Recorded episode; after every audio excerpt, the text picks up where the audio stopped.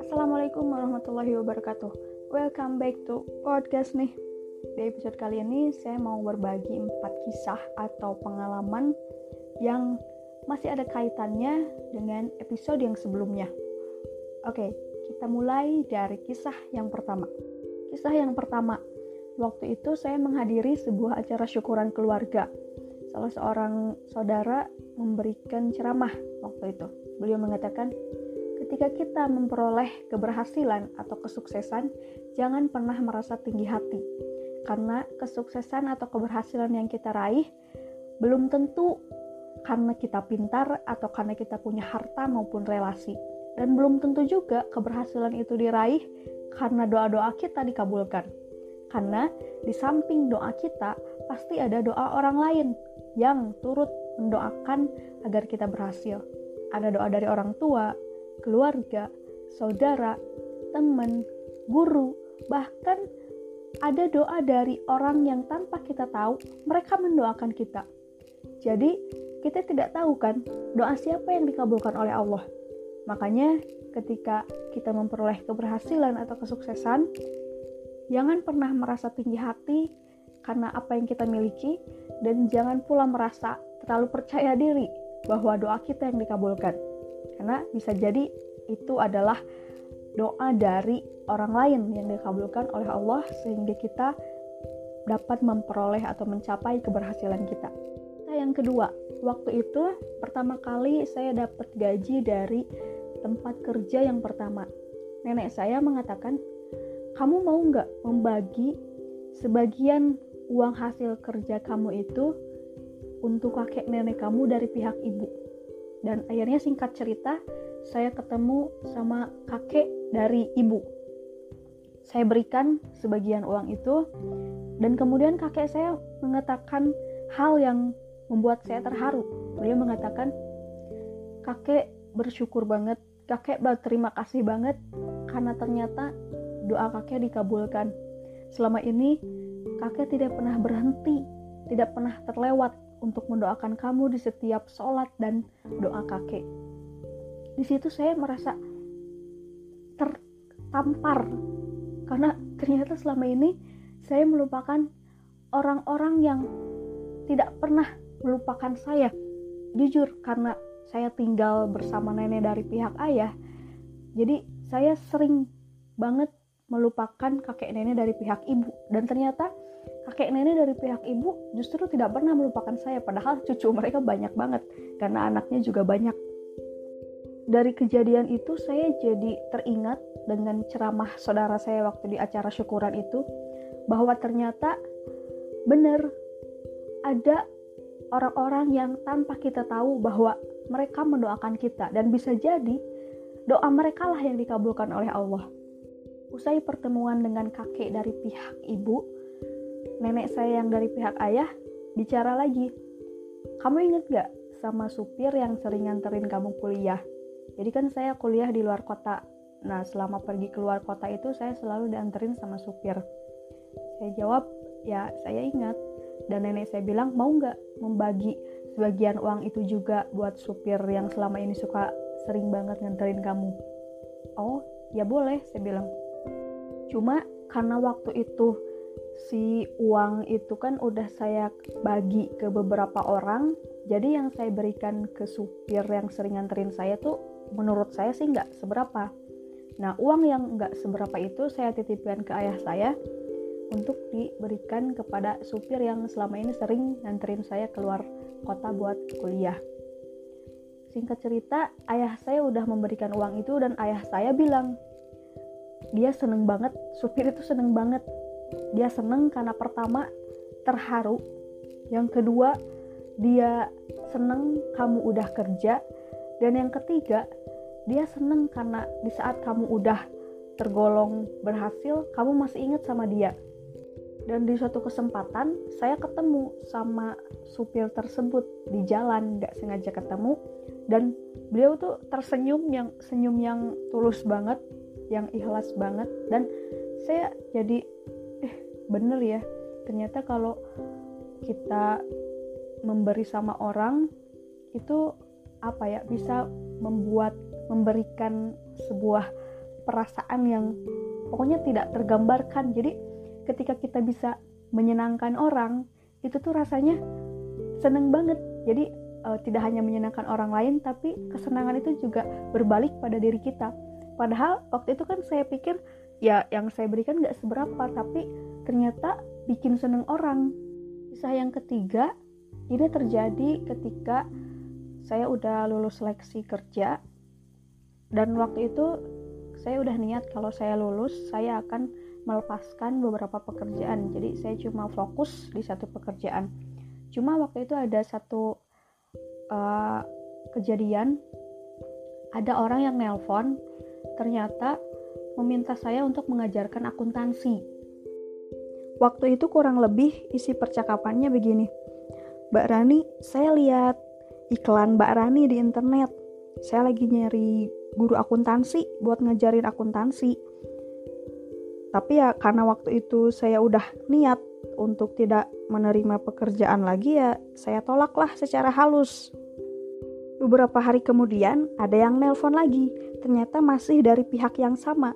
Kalau yang dulu pertama kali nelpon itu bibinya, sekarang yang nelpon itu ibunya. Ibunya malah sampai bilang menjelaskan bahwa bener-bener butuh guru akuntansi buat anaknya. Jadi anaknya itu dulunya jurusan IPA, masuk ke jurusan ekonomi kuliahnya dan di ekonomi kan pasti ada akuntansinya dan anaknya itu sama sekali nggak ngerti abis itu karena kondisi pandemi kuliahnya online. Jadi bener-bener sedang butuh banget sama guru akuntansi. Waktu itu kemudian saya tanya lokasinya di mana bu? Karena les private kan otomatis saya yang mesti datengin rumah siswa. Ibunya jawab ternyata lokasinya itu jauh banget dari rumah saya. Ya dilihat dari peta juga berkilo-kilometer. Saya, saya bilang waduh lumayan jauh bu saya pikir-pikir dulu deh ya saya bilang gitu. Dan ibunya bilang ya udah deh tapi saya tunggu loh tunggu banget karena bener-bener saya butuh guru buat anak saya dan saya nggak tahu mesti nyari ke mana lagi katanya gitu. Ya bu nanti saya kabari secepatnya saya bilang. Abis telepon ditutup adan asar berkumandang. Setelah sholat tiba-tiba saya kepikiran duh ini kalau saya iyain saya sanggupin jaraknya jauh tapi kalau saya tolak ya kasihan juga. Karena kan ibunya bilang uh, menjelaskan udah menjelaskan alasannya gitu. Akhirnya ya udahlah saya coba deh. Akhirnya saya hubungi lagi dan kami buat kesepakatan hari. Di hari H saya mulai berangkat ke lokasi. Karena saya nggak tahu lokasinya di mana dan nggak pernah pergi ke sana sama sekali. Akhirnya saya memutuskan untuk pergi ke sana naik ojek online. Pakai ojek online ke sana itu nyampainya setengah jam dan ongkosnya 35.000. Waktu itu di iklan yang saya sebar di internet uh, apa les private-nya itu 70.000 per jam. Dan waktu masih di perjalanan di atas ojek online itu saya mikir ini kalau 70 ribu per jam saya sekali naik ojol 35 ribu yaitu uang 70 ribu habis ya. Habis buat pulang pergi aja tuh habis buat ongkos. Tapi karena waktu itu niat saya buat menolong ya udahlah nggak apa-apa. Yang penting ongkosnya aja deh ke cover. Waktu itu saya pikirannya gitu. Ketika sampai di lokasi ternyata rumahnya itu gede banget. Dan di dalamnya tuh kendaraan berjejer mobil ada berapa motor ada berapa. Saya bilang dalam hati buset ini mah rumah sultan. Saya bener-bener nggak nyangka karena lokasinya kan jauh banget dari kota ya. Jadi saya pikir ya dari kalangan biasa aja ternyata saya salah. Dan dari situ saya oh kita nggak boleh underestimate sama orang ya. Meskipun tinggalnya jauh dari kota tapi ternyata wih orang berada gitu. Ini mah anak sultan gue bilang. Pas udah ngajarin anaknya kemudian saya pamit pulang. Dan saya nanya kalau naik angkot ini bayarnya berapa ya? Ternyata kalau naik angkot cuma 5000 cuman nyampe nya tuh bisa sampai satu jam. Tapi ya nggak apa-apa lah saya pikir daripada naik ojek 35.000 kan perbandingannya jauh banget ya. Satu banding 7 ya udahlah naik angkot. Gak apa-apa sambil menikmati pemandangan juga. Malamnya anak itu menghubungi saya. Dia bilang teh maaf tadi mamah lupa ngasih uang jadi gimana uangnya mau ditransfer atau gimana? saya pikir uangnya mau disekaligusin aja ntar kalau apa les private-nya udah beres. Tapi ternyata karena ternyata anaknya menghubungi ya saya kasih lah nomor rekening. Ternyata uang yang ditransfer itu juga melebihi yang seharusnya. Jadi kan yang yang di iklan itu 70 ribu per jam. Dan yang ditransfer ke rekening saya itu berkali-kali lipat dari itu. Habis itu anaknya nanya lagi teh kata mama uangnya kurang nggak? Buset saya bilang enggak enggak enggak ini malah lebih dari cukup saya bilang. Di pertemuan-pertemuan selanjutnya uang lesnya itu selalu dikasih cash ketika saya mau pulang. Cuman kan karena niat saya di awal untuk membantu jadi saya nggak terlalu mikirin uangnya. Jadi pokoknya ketika saya dikasih uang saya langsung kantongin aja nggak saya hitung itu uang berapa. Sampai rumah saya kaget ternyata tiap dari pertemuan ke pertemuan itu uang yang dibayarin ke saya itu makin gede makin gede. Hingga saya mikir saya pernah mikir di salah satu perjalanan pulang sambil menikmati pemandangan tuh ternyata oh luar biasa ya luar biasa banget e, manfaat dari ilmu. Bener kata orang kalau kita punya ilmu derajat kita akan ditinggikan kita akan dihargai. Wih itu bener banget saya bener-bener merasakan banget waktu itu dan dari sana saya jadi keingetan sama guru-guru saya yang udah ngajarin saya akuntansi sama ekonomi. Saya keingetan sama guru-guru saya yang di SMA ada Bu Eli Nurliah yang pertama kali ngajarin hingga saya bisa akuntansi. Ada Bu Ida Widawati yang bikin saya jago akuntansi. Dan ada juga Pak Rusman yang bikin saya terinspirasi untuk pengen jadi kayak Pak Rusman, pengen jadi guru akuntansi. Kisah keempat, ini waktu di salah satu tempat kerja juga.